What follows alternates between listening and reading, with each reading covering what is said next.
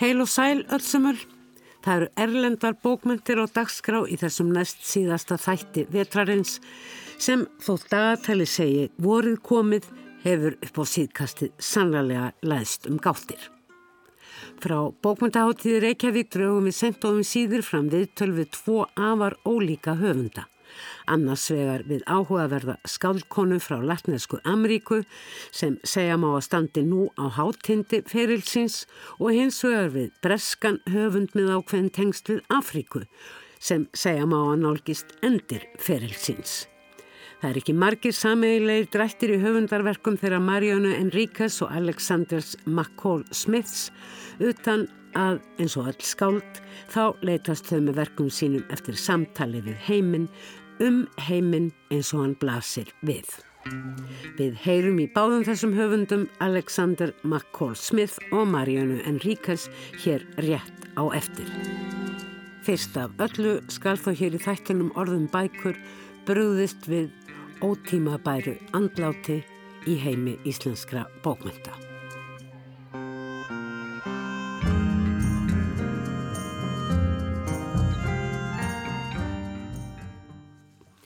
Ísak Harðarsson skáld og þýðandi er látin. Þetta var tilkynnt um síðustu helgi en Ísak mun hafa látist eftir skamvin veikindi festudaginn 12. mæ 2023. Ísak var einstakt löðskáld. Skáld hins andlega seims. Á þeim tímum þegar borgir og erill nútímans var megin yrkisefni ungra skálda. Hann fór sér hægt með skáldskap sínum, Ísak, kom aldrei askvaðandi, heldur fylgdir sínum eigin takti, sem þó aldrei var laus við átök, spurnir og ákafa leitt. Já, líklega var leitin grunnurinn í skáldskap Ísaks Harðarssonar. Leitin að orðum, leitin að guði, undrinu, en líka að innra samhengi orðana, að merkingunni í einstökum hlutum þeirra, eftir því hvernig þau voru framsett Síðasta ljóðabók Ísaks og svo ellefta, ellefti snertur af yfirsín eins og hún heitir, kom út árið 2018 og vakt eins og fyrir bækur hans artikli. Var meðal annars sagt frá henni í þættinum orðum bækur. Eins og ofta áður er Ástin í fyrirrúmi í þessari nýju ljóðabók Ísaks. Ástin leiðar hnóðið í viðsjálum heimi sem Ísak lýsir með sínum einstaka hætti kosmiskur og kvöndagslegur í senn. Ekki búast við að þessi orð og slittur myndi neina samfellu, neina drætti, minnstur, í ætt við landakort, mósækmynd, heimslitafræði trúarbræðana, segir í einu af fyrstu ljóðum bókar Ísaks sem lítam á á sem manifesto þessarar bókar. Lesandin er kvartur til að búast ekki við neinu, því þegar allt er hrunið er ekkert eftir nema ástinn. Snöðrandi í volgum rústum, í leitað einhverju heilu, stefnu, óbrotnum áttavita, þó ekki væri nema einum einasta fingri. Við heyrðum hér brotur ljóði úr síðustu ljóðabók Ísaks Harðarssonar eldlefti snertur af yfirsín. Það er ekki hægt að minnast manns orðana Ísaks Harðarssonar á þess að líta til mikilsverðs þýðingarstarfs hans. En á síðustu rúmlega 30 árum veitti Ísak íslenskum lesendum tækifæri til að lesa á móðurmálinu aðskiljanlegustu skáldverk. Það var um þýðingar sem ég árið 2020 átti mitt síðasta viðtal við Ísak Harðarsson en það vor höfðu komið út í þýðingu hans tvær afar ólíkar bækur annars vegar Eldum Björn eftir einn sænska Mikael Niemi og hins vegar Sumarbókin eftir einn af finsku Tófi Jansson. Í samtali um þessar bækur báðar, aðra svo myrka og heina svo bjarta, hafði Ísak þetta að segja um starfsitt sem þýðandi. Mér finnst þetta virkilega gaman og mér finnst þetta svo gaman að þegar ég hérna, hef ekki þýtt bóki einhver tíma þá fer ég að finna fyrir einhvernum frákarsengjunum sko. ég er einhvern veginn háður þessu að vinna, vinna með texta og mér finnst bara sjálfsögðu finnst mér vænstum að fá svona bitastæðað bækur eins og þessar tvær sem eru indislegar bækur sko en ég hef viljað þýtt hvað sem er mm. og hérna tel mér trúum að ég læri af öllum texta sko og mér finnst ég alltaf vera sko ég fæ nýjan text í hendurnar, nýja bók sem ég á þýða og þá finnst mér eins og textin sé einhvers svona líka mig og ég sé flík svona ný flík eða, eða, það sé verið að prjóna mig og ég verð að laga mig að líka mann með einhvern veginn þannig að sko textin tekur alltaf svona mm. það er alltaf, ég segi ekki að takja mér völdin en ég verði einhvern veginn svona að lútónum á vissu leiti en að öðru leiti þá er þetta bara skemmtileg, mm. skemmtileg svona glíma sko. ég get alveg týnt mér í þessu sko, þess, mm. þess vegna núna er ég í nokkura vikna hliði og ég er svona að reyna að skrifa eitthvað frá eigin brústi það sapnast og eitthvað fyrir líka svona mm. frumsamið sko. og er þetta þá yfirleitt ljóð, þú er aðalega haldið þú ert ljóðskald í, í sag já, já, 11 ljóðabækur af líklega 14-15 frumsöndum bókum sko mm. eh, en nú er ég að vinna svona jöfnum höndum að smásögum og ljóðum spennandi og sjá bara hvort það kemur eitthvað út úr því eða ekki sko mm -hmm. en mér er samfært að klæja eftir, að, eftir næstu þýðing Þær verða vantanlega ekki fleiri þýðingarnar Smásagnasafnið sem árið 2020 var í smíðum kom hins vegar út árið 2022 heitinn í Vaksmyndasafninu og er eins og sérkver bók Ísaks Harðarssonar einstök og afar frumleg. Við þökkum orðin og íhiglina og sendum samúðar kveðjur til allra sem sakna.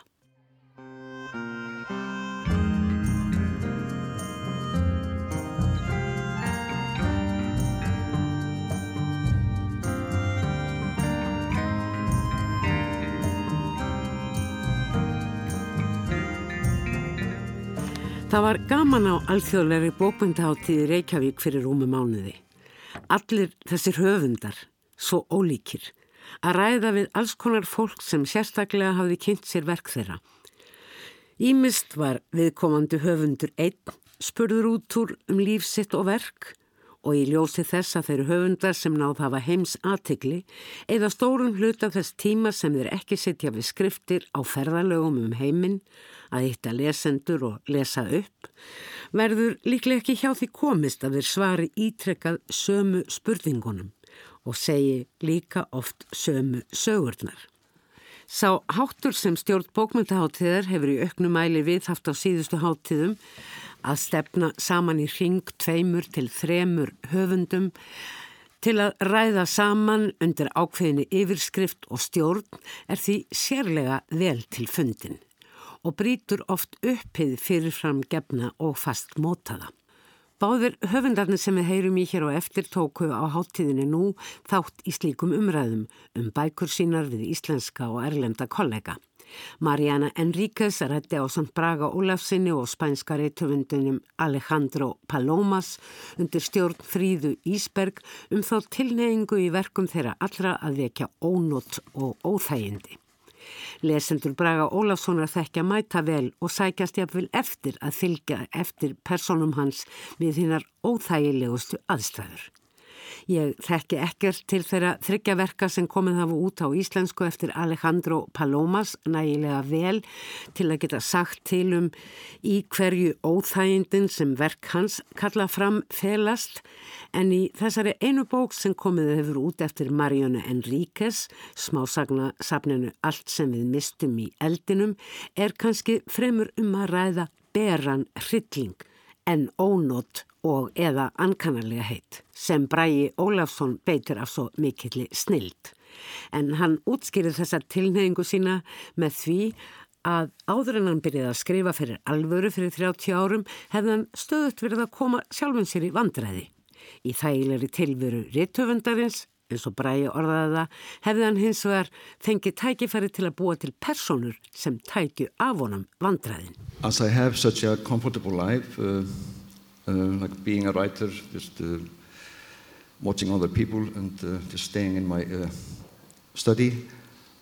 I just had to uh, make up trouble for other people and discomfort. Uh, so, so that's uh, that's what I've been doing since. I mean, uh, I, I, stand on my balcony looking at my having a smoke and uh, looking at my neighbors and then imagining, oh, he's going to get into trouble like today.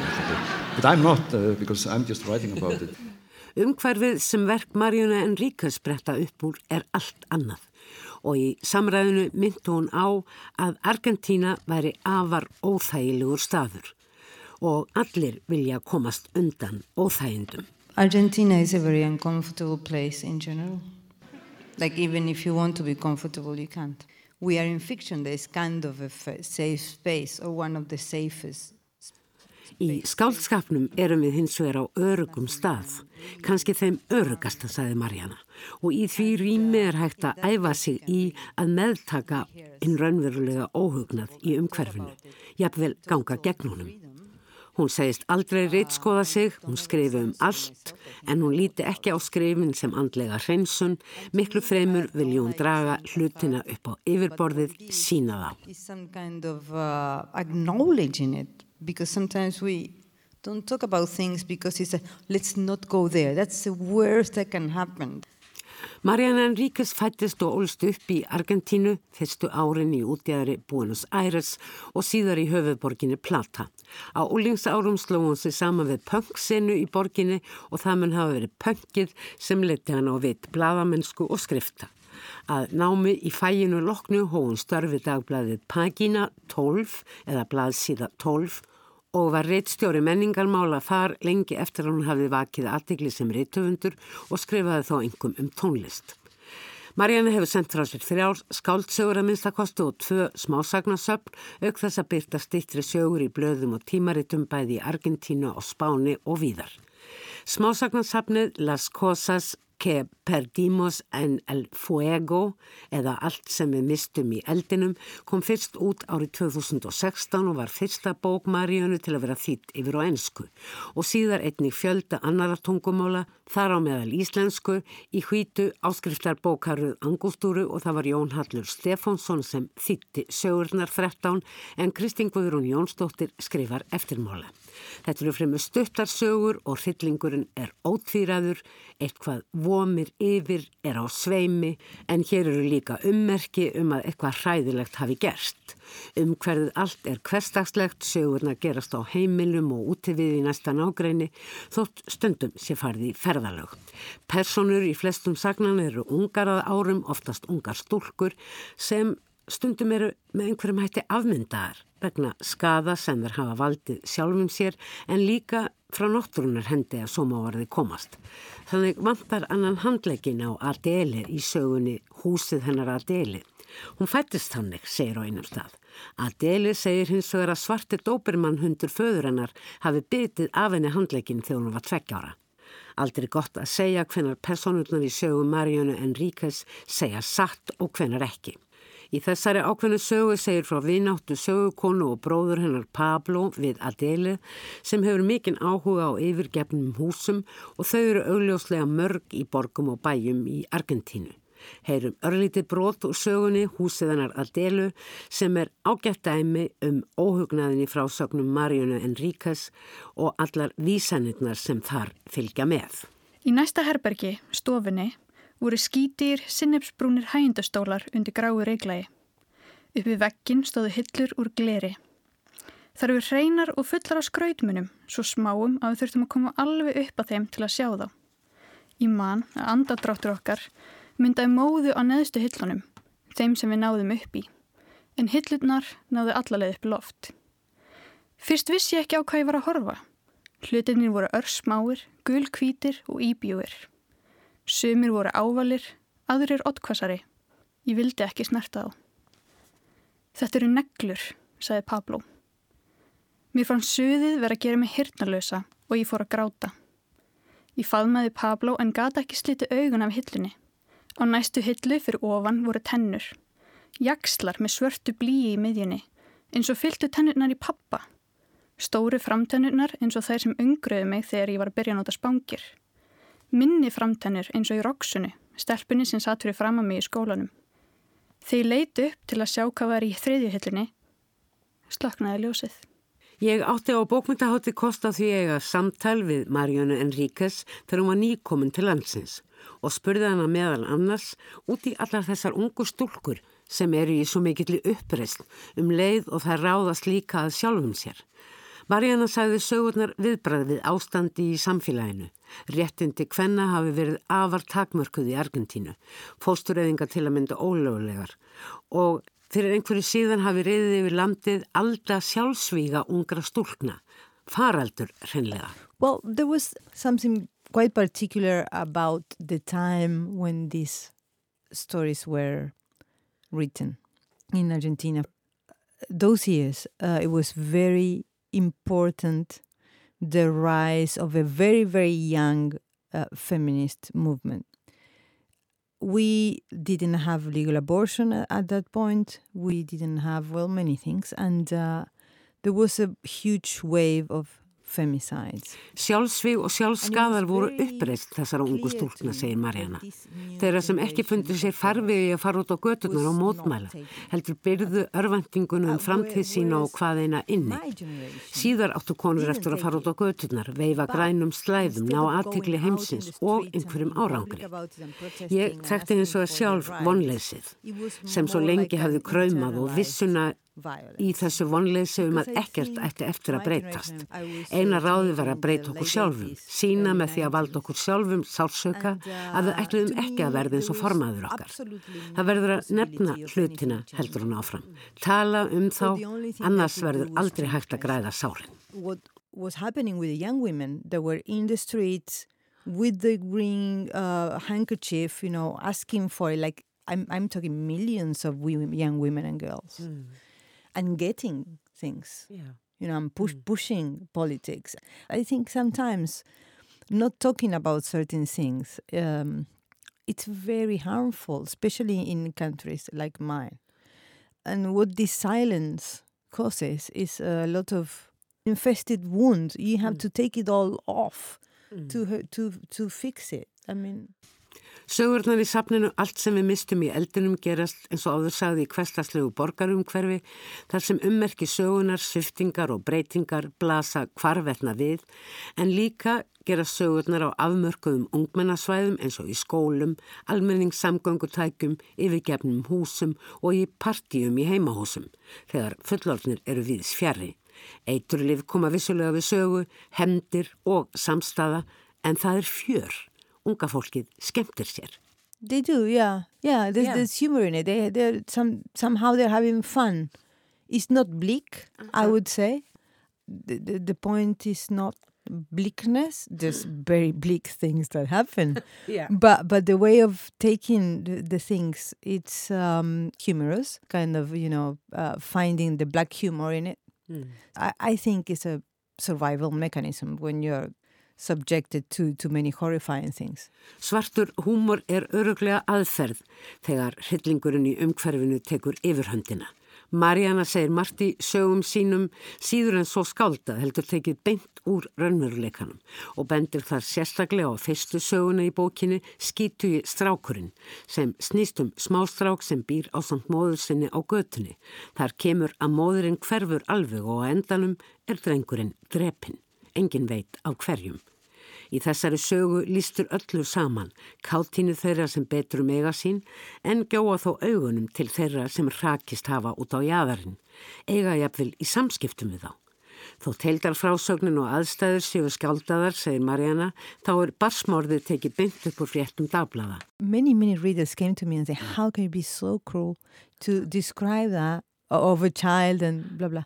And I'm like, first I didn't do anything to a child, I just wrote it. Second, Margir lesendur ásökuðu mig fyrir að drepa barn með þessum hætti, sem ég gerði þetta ekki, segir hún, ég bara skrifaði um það. En einhver gerði það sannarlega.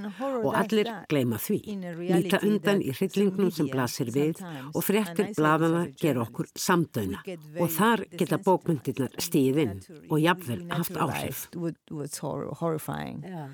and sometimes literary genres that are very mm. popular like that puts it back in. Mariana Enríquez var barnað aldrei á tímum herfóringjastjórnarinnar í Argentínu á áratögnum sirkóru megin við 1980. Hryllingurinn sem á þeim tíma fór fram í argentísku samfélagi verður ekki með orðum list. Fólk hvarf unvarpum, föllornir jæmt sem börn Fólk var skotið niður á miðri götu með jafn sjálfsögðum hættu að stjaka ögn við einhverjum til að annar megi hraða försinni. Marjana var tí ára þegar borgarleg stjórn kom slóst til valda í Argentínu og hún segist í raun ekki muna eftir herfringastjórnar árunum í þeim skilningi en það voru voðaverk þeirra yfirleitt framinn leinilega í skjóli myrkurs. Fóreldra mínir segir hún eins og svo margir vissu auðvita af þessu, þannig að það lág æfinlega uggur í loftinu inn á heimilinu og ég var ámynd um að tala ekki um ákveðna hluti utan þess. My parents knew what was going on, so there was a thing inside the house, there was a lot of fear and orders to me to not speak about certain things outside and I was like, what? What things because I didn't understand. It was to me it was very phantasmagoric. Það sem svo gerðist þegar herfóringjastjórninu var streift var að í stað einhvers konar fyrirgefningar og sáttaferðlis voru haldin réttarhald þar sem venjulegt fólk var kallað til vittnist og sem gerði í raun enn erfiðara að fá sárin til að gróa. Fadur minn lagði áherslu á að ég fyldist með þessu öllu saman, líklega vegna þess hvaðan sjálfur eins og flestir, var traumatiseraður. Þessir hræðilegu hlutir mega aldrei endurtaka sig, saðan, og þess vegna verðum við að muna, við halda næmu okkar. Ég dæm ekki föður minn fyrir þetta, segir Marjana, en auðvelt hefur það augljóslega ekki verið. And my father, instead of protecting me from it, his uh, impulse, I think out of trauma too, out of those years, was listen to this, know about this, and know that this can't happen anymore.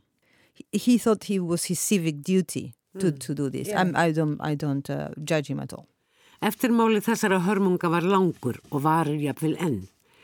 Nema að þær hafi nú grafist undir þeim hörmungum sem við nú heyrum af í fréttum frá Argentínu, nær daglega, vegna óstjórnar, spillingar og ömurlegs efnahags ástands. Það er eins og er augljóstað allt þetta mótaði Marjónu Enríkes sem skáld og rítöfund, aðferðir hennar og tungumál sem hún segist hafa fundið hjá Stephen King, Spielberg og fleirum. I, I needed my language to do it and my language, what was it? Was Stephen King, was Spielberg.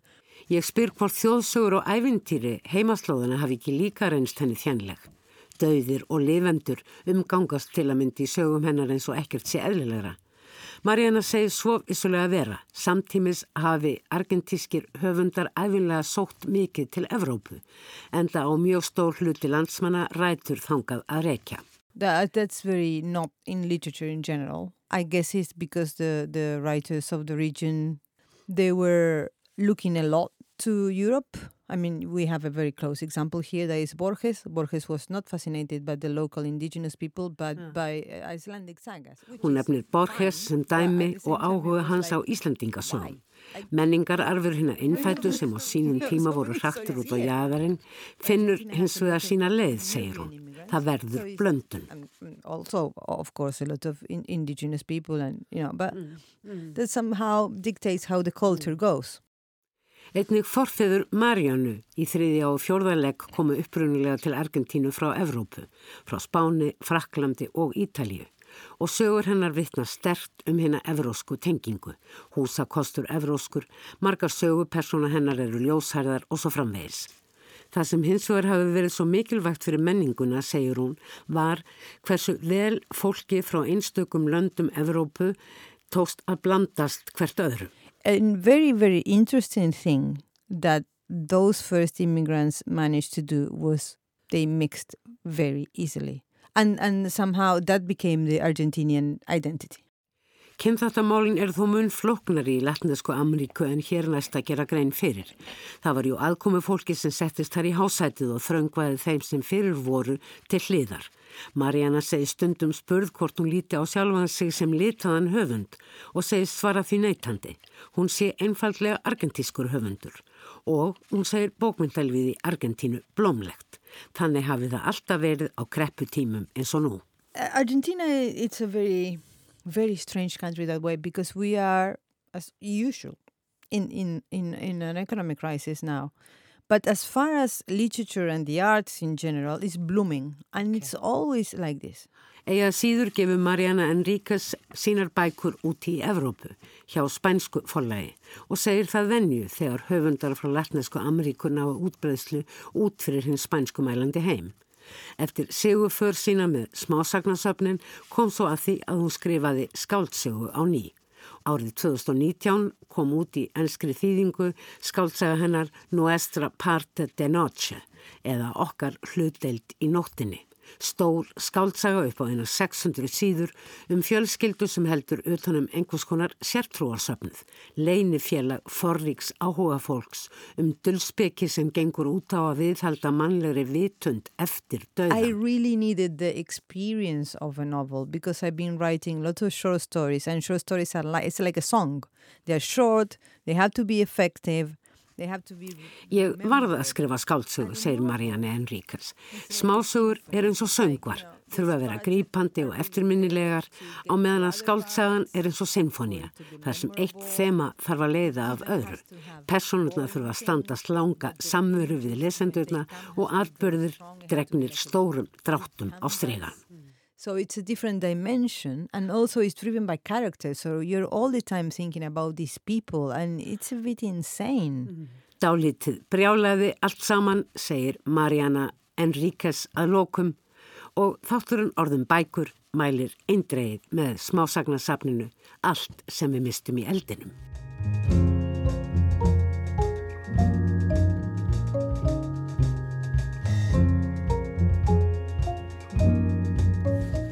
Hann er tálkaður úr svolítið öðrum viði hinn margverlunaði meðsölu höfundur Alexander McCall Smith, þótt nýlendustefnan komi líka við sögu í hans lífi. Hann fættist nefnilega í Afrikuríkinu Rhodesíu sem þá var, í sögulhuta þess sem nú heitir Zimbabwe og var á yfiráðasvæði Breta. Síðar átt hann eftir að læra lögfræðu og verða profesor í læknarétti við Edinborgar háskóla áður en hann helgaði sig alfarið reittstörfum sem hann hafði þó stundað frá unga aldri. Engur tíma á þessari vegferð allri í byrjun nýjenda áratugarins dvaldi hann í höfuborg Afrikuríkisins Botswana til að aðstóða við að byggja upp lagadeildið háskólan þar. 20 árum síðar var svo Botswana sögus við líklega vinsælustu bóka Makkól Smiths bókana um Precious Madame Ramotsve sem einhver kvennspæjar á stofu nr. 1 í smáborginni Gaborone í Botswana. Þá hefur bókaflokkur Makkól Smiths um engaspæjaran Isabel Dalhousie náð talsverðum vinsældum en hún mun svipa nokkuð til hinnar mannbætandi Miss Marple í bókum Agutu Kristi og sver sig þannig í frumdrætti hinnar klassísku bresku glæpasögu með þeirri undantekningu þó að glæpir í bókum Alexanders McCall Smiths í þeim skilningi koma eiginlega ekki við sögu. En margvísleg mannleg vandraði þarf að leysa því annars geti beinlinis komið til raunverulegs glæps, jafnvel morðs. Sögur úr báðum þessum flokkum voru á árunum 2004 til 6 þýttar af Helgu Sofíu Einarstóttur yfir á íslensku fyrir mál og menningu og seldust vel enda einstaklega ljúfar og yfirvegaðar. Árið 2020 kom svo út hjá bókafálæginu Uglu í þýðingu Elínar Guðmundsdóttur en einn saga Sandís eins og hann mun æfinlega vera kallaður gæðakonur. Í öllum þessum bókum eru hverstagslega vandamál yfir og allt um kring um leið og ákveðin glæpamál eru skimuð af yfirvegun og mannskilningi og laust fundin. Ég skal viðkenna að þegar ljóst var að Alexander McCall Smith erði gestur á bókmyndaháttíð Reykjavík langaði mig til að eiga við hann viðtal sem var auðsótt til þess var hann jú komin hingað nokkuð beina leið frá Ástralíu þar sem hann hafði ferðast um og hitt lesendu sína og sannarlega kann McCall Smith sitt fag að segja frá sjálfum sér og bókum sínum og tengja við aðstæður hverju sinni. Hann var til að mynda augljóslega búin að undirbúa að lýsa því hvernig aldáun hans á skáldinu Óten hefði gert að verkum hann hefði svo lengi verið óþreyju fullur að komast til Íslands. Það láð því nokkuð beint við að hefja viðtali við Alexander McCall Smith með því að spyrja hvort hann hefði verið að kinga kollið til Ódens þegar hann í fyrstu bóksinu um Isabel Dalhaus, sunnudagsklubur heimsbyggingana, hefði látið glæpin, það er fall ungsmanns ofan af svölum tónleikahús, gerast við lok tónleika Symfóníu hljómsveitar Íslands í Edinborg. Ekki myndi Alexander McCall Smith það svo gjörla Hann væri löngu búin að gleima hvað hefði leið að baki þessu eða heinu nú þegar 15. bókin í þessari serju væri nýkomin út. Uh, well, I, I'd forgotten about that until you mentioned because I'm now on volume 15 or whatever it is of that series. I uh, thank you for reminding me. No, I think that I must just have been thinking of Iceland now. Well, it'd be the Icelandics.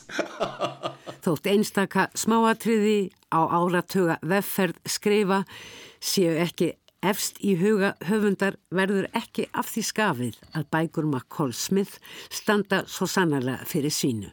Svo tilgerðarlausar og mannlegar og vekja upp margvíslegar hugreiningar um almenn samskipti manna í meðal.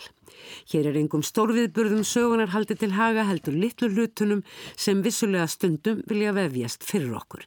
Hvenar fylgjum við því góða í okkur sjálfum og samferðafólki okkar og hvenar látum við stjórnast af reyði, öfund og samkeppni þannig að allt fer í bál og brand. Ég minnist þess fyrir tæpum tíu árum þegar bækurnar um Madame Ramot Sve komu fyrst út í íslenskri þýðingu að þar fjallum mér vel í geð. Tilgerðarlaus hverstasleikin í hitanum í Gaboróni var svo róandi og Alexander McCall Smith mann gjörðla hvernig þessi einstaka kona, Madame Ramot Sve Precious, vitjaði hans. Hann hafði farið með kunningakonu sinni að sækja kjúkling á bondabæ og Botswana konan á bænum hafði ekki á þín en vettlingatök að handsama kjúklingin og hann spurði sig síðar hver skildi vera saga þessarar konu. Uh, I remember she was wearing a red dress and uh, she um, chased the chicken round the yard and then gave it to uh, my hostess. And I thought, um, what a remarkable woman Þá hafði hann ekki hugmyndum að tíu árum síðar ætti hann eftir að skrifa sögu þessarar konu á rauðum kjól. Söguna því hvernig fadur hennar arfleiðir hann að nokkrum nautgripum með því fórorði að hún selji þá og komi sér upp litlu arðbæru fyrirtæki.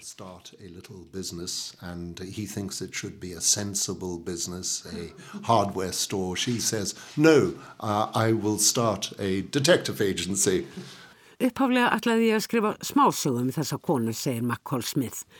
En nú, 25 árum síðar, eru bækurnar orðnar 24.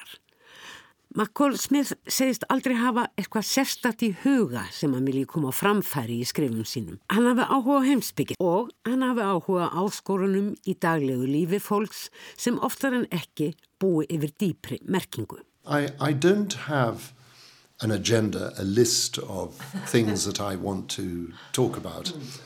But I do like uh, the format of this particular sort of fiction because I can go off and talk about all sorts of things.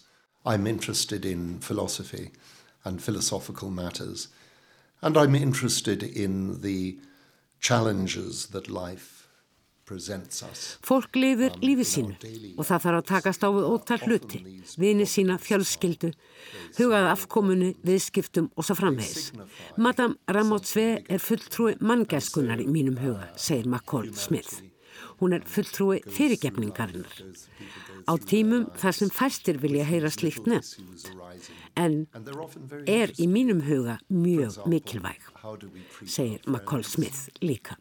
Fólk hugsar mest um að draga einhverja aðra til ábyrðar, að refsa, en skildi fremur tala saman. Það gerist svo margt og ekki allt rétt og gott, en það má rétta hluti við og gera gott úr. Not really thinking much about forgiveness. Uh, we live in an age where people want to hold other people accountable, where they want to punish other people. Mm. And in fact, what we need to do is we need to say, well, okay, there, there has been a misunderstanding or wrong has been done or whatever, but we have to look forward. And, and forgiveness is a, is a forward-looking um, uh, virtue. Við verðum að hugsa fram á við og fyrirgefningin er digðin til framtíðar. Okkur er svo mikið í munan á okkur niður á náunganum, segir McCall Smith, eins og sést svo vel á samfélagsmiðlum. We're very, we're very uh, keen to uh, turn on people particularly, say, in the social media now. Look at how the witch hunts go on. Það er þó engum blöðum um það að fletta alnetið er ekki alvont eins og Alexander McCall Smith undirstrykar að bragði. But um, uh, I think that uh, the internet uh, has uh, a, a very positive uh, uh, side in as far as the, the world of books is concerned. because it is a wonderful way of Allt þetta samtal manna í meðal um bókmyndirnar til að mynda og þessi samskipti og sameiginleg upplifun um það snúast einmitt bókmyndirnar. Um, literary bloggers, the yeah. people who write mm. these, they, they, they do a wonderful job of um, sharing uh, literature, which is what literature is all about. En aftur af Precious Madame Ramotsve hefur McCall Smith enn gaman af því að skrifa um hana og hennar hverstaslega umhverfi. Svarið er einfalt, já. Sannarlega hafa hann gaman af því og hann muni halda því áfram til döðadags. Yes, I do. I do. Um, I was asked by a reader some uh, couple of years ago saying, how long are you going to continue to write Mara Motsway books? And she said, when are they going to stop? And I said, well, McCall Smith gæti eins og er ekki svarað sínum þegar sá spurði hvenar að döðdaganum kemi. It depends when I stop, when, I, uh, when I'm no longer around, where, so I write them until uh, I hope until I die. And then she said, when, when is that going to be? og hann hefur ekki áhyggjur af því að verða uppeskroppa með verkefni fyrir hönd Madame Ramatsve. Í hverju bók séflitt eitt megin viðfangsefni eitt vandraða mál í lífi einhvers sem Madame Ramotsve er ætlað að leysa og það er yfirleitt ekki glæpur. Þetta eru ekki glæpasögur, ítrekkar McCall Smith. I usually have one big issue in each book. Uh, one, uh, one case that Mara Motswe, one problem in somebody's life. Nýjasta bókinum spæjarastofu nummer eitt í Gaborone heitir frá fjarlægu þáru landi og segir frá konu sem kemur til Botswana að leita að fjarskildum ættingja. Megin viðfóngsefni þeirrar bókar, segir McCall Smith, er fannig rætur að heyra einhver staðar til, eiga heima. Slíkt er mikilvægt fyrir okkur öll. Og það sama má segja um vináttuna, um ástina. Allt er þetta ofur mikilvægt í lífi hverjar mannesku. And it's really about the search for roots And I think that's something which is very important to people. I often deal with uh, friendship, um, relationships between people. That's terribly important in people's lives. Mm. But friendship is one which goes through all the books. I come back, I think, to mm. this issue of friendship. When you think of what people want in their lives, uh, they want love and friendship. Uh, here we are in this little, uh, little planet uh, for a brief period. Viðtöl okkar á jörðin er ekki laung, segir Alexander McCall Smith, en okkur er samt í mun að skinnja að það sé tilgangur með henni. Og við leitum þessa tilgangs í trú, í heimsbyggi, bókmyndum, tónlist. Upphefjumst jafnvel, hvort heldur í samhljómi eða ómstríði. Og það sama má segja um skálskap. Líka þar erum við að hlera eftir heiminum, finna fyrir tilgangi, velta fyrir okkur siðferðislegum álitamálum og þess vegna eru bókmyndir mikilvægar. Ekki síst barnabókmyndir. Þar sem, eins og í öðrum skálskap, er meðal annars fjallað um siðferðismál sem eru flóki. Children's literature is so important from that point of view. It, it, it introduces children to the moral complexities of the world. and it enables them to develop moral imagination. And moral imagination is so essential. Siðferðilegt ímyndunarafl, fallega orðað. En Alexander McCall Smith skrifur ekki einungis hverja bókin og fætur annari um hennar ráðagóðu Madame Ramot Sve sem hefur ekkert elst á þessum 25 árum sem bækurnar spanna eða um Isabel Dalhaus. Heldur hefur hann líka um árabil hvert haust frá ágúst til oktober haldið úti framhaldssögu í Edinborgarblæðinu The Scotsman sem líklega er svo framhaldsaga í blæði sem gengið hefur lengst Á þessum þremur haustmánuðum byrtist daglega í blaðinu nýr kapli sögunar sem fjallar að mestu um sömu personurnar og allt gerist í Edinborg. It is, I believe, I'm told it's the world's longest running serial novel. It comes uh, between uh, the end of August and um, October. Uh, I publish a chapter a day and often as I write them I may be, say, 10, Það þarf kerfi, segir McCall Smith. Hann sé til að mynda alltaf á undan byrtingunum með skrifin en þó aldrei alveg búin með söguna. 1200 orðakabli byrtist á hverjum degi og sömu personar fá að vera í brennidepli í þremur köplum. Þá þurfa nýjar að koma fram. Nýjar sem þó eru gamlar. Uh, every chapter is 1200 words. And then I hear from the readers and they say this suits us fine because we can read three of these mm. chapters before we go to sleep or when we are on the bus or the mm. train. Mm. So people like that. Fyrir utan bækurna sem hér hafa verið nefndar hefur Alexander McCall Smith skrifað einar 40 barnabækur og reynt sig við það sem kallað hefur verið Scandic Noir eða Norrænt Myrkur sem varð fyrir fáeinum árum ekki síst í gegnum sjónvarserjur afar vinnselt og svo einnig í gegnum bækur. McCall Smith ákvaði að láta á reyna. And I thought why should um, uh, Scandinavian or Nordic writers have all the fun? so I invented a new genre which was not Scandi noir but Scandi blanc in which nothing nothing nasty happens. and uh, so I invented the Department of Sensitive Crimes in Malmö in Sweden. Ulf Varg, Ulfur Ulfur, heitir leinilörglu maður hjá deild viðkvæmra glæpamála í Malmö sem Makkól Smith notar sem aðal personu í bækur sínar sem hann vil ekki kalla norrænt myrkur heldur norræna byrtu. Hér sé ekki frekar en í öðrum bóka hans um glæpasóra ræða heldur fjalliðar meira um viðkvæmar og vandræðarlegar uppákomur. So it's great fun and I'm really enjoying writing about him. I'll have to bring him to Iceland now.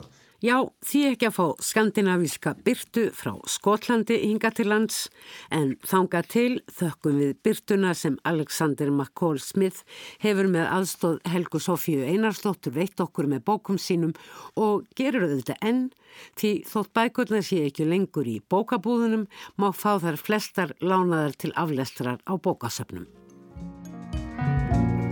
Fleiri verða orðum bækur ekki að þessu sinni Tæknimaður þessa þáttar var Mark Eldredd. Takk fyrir að hlusta, verði sæl.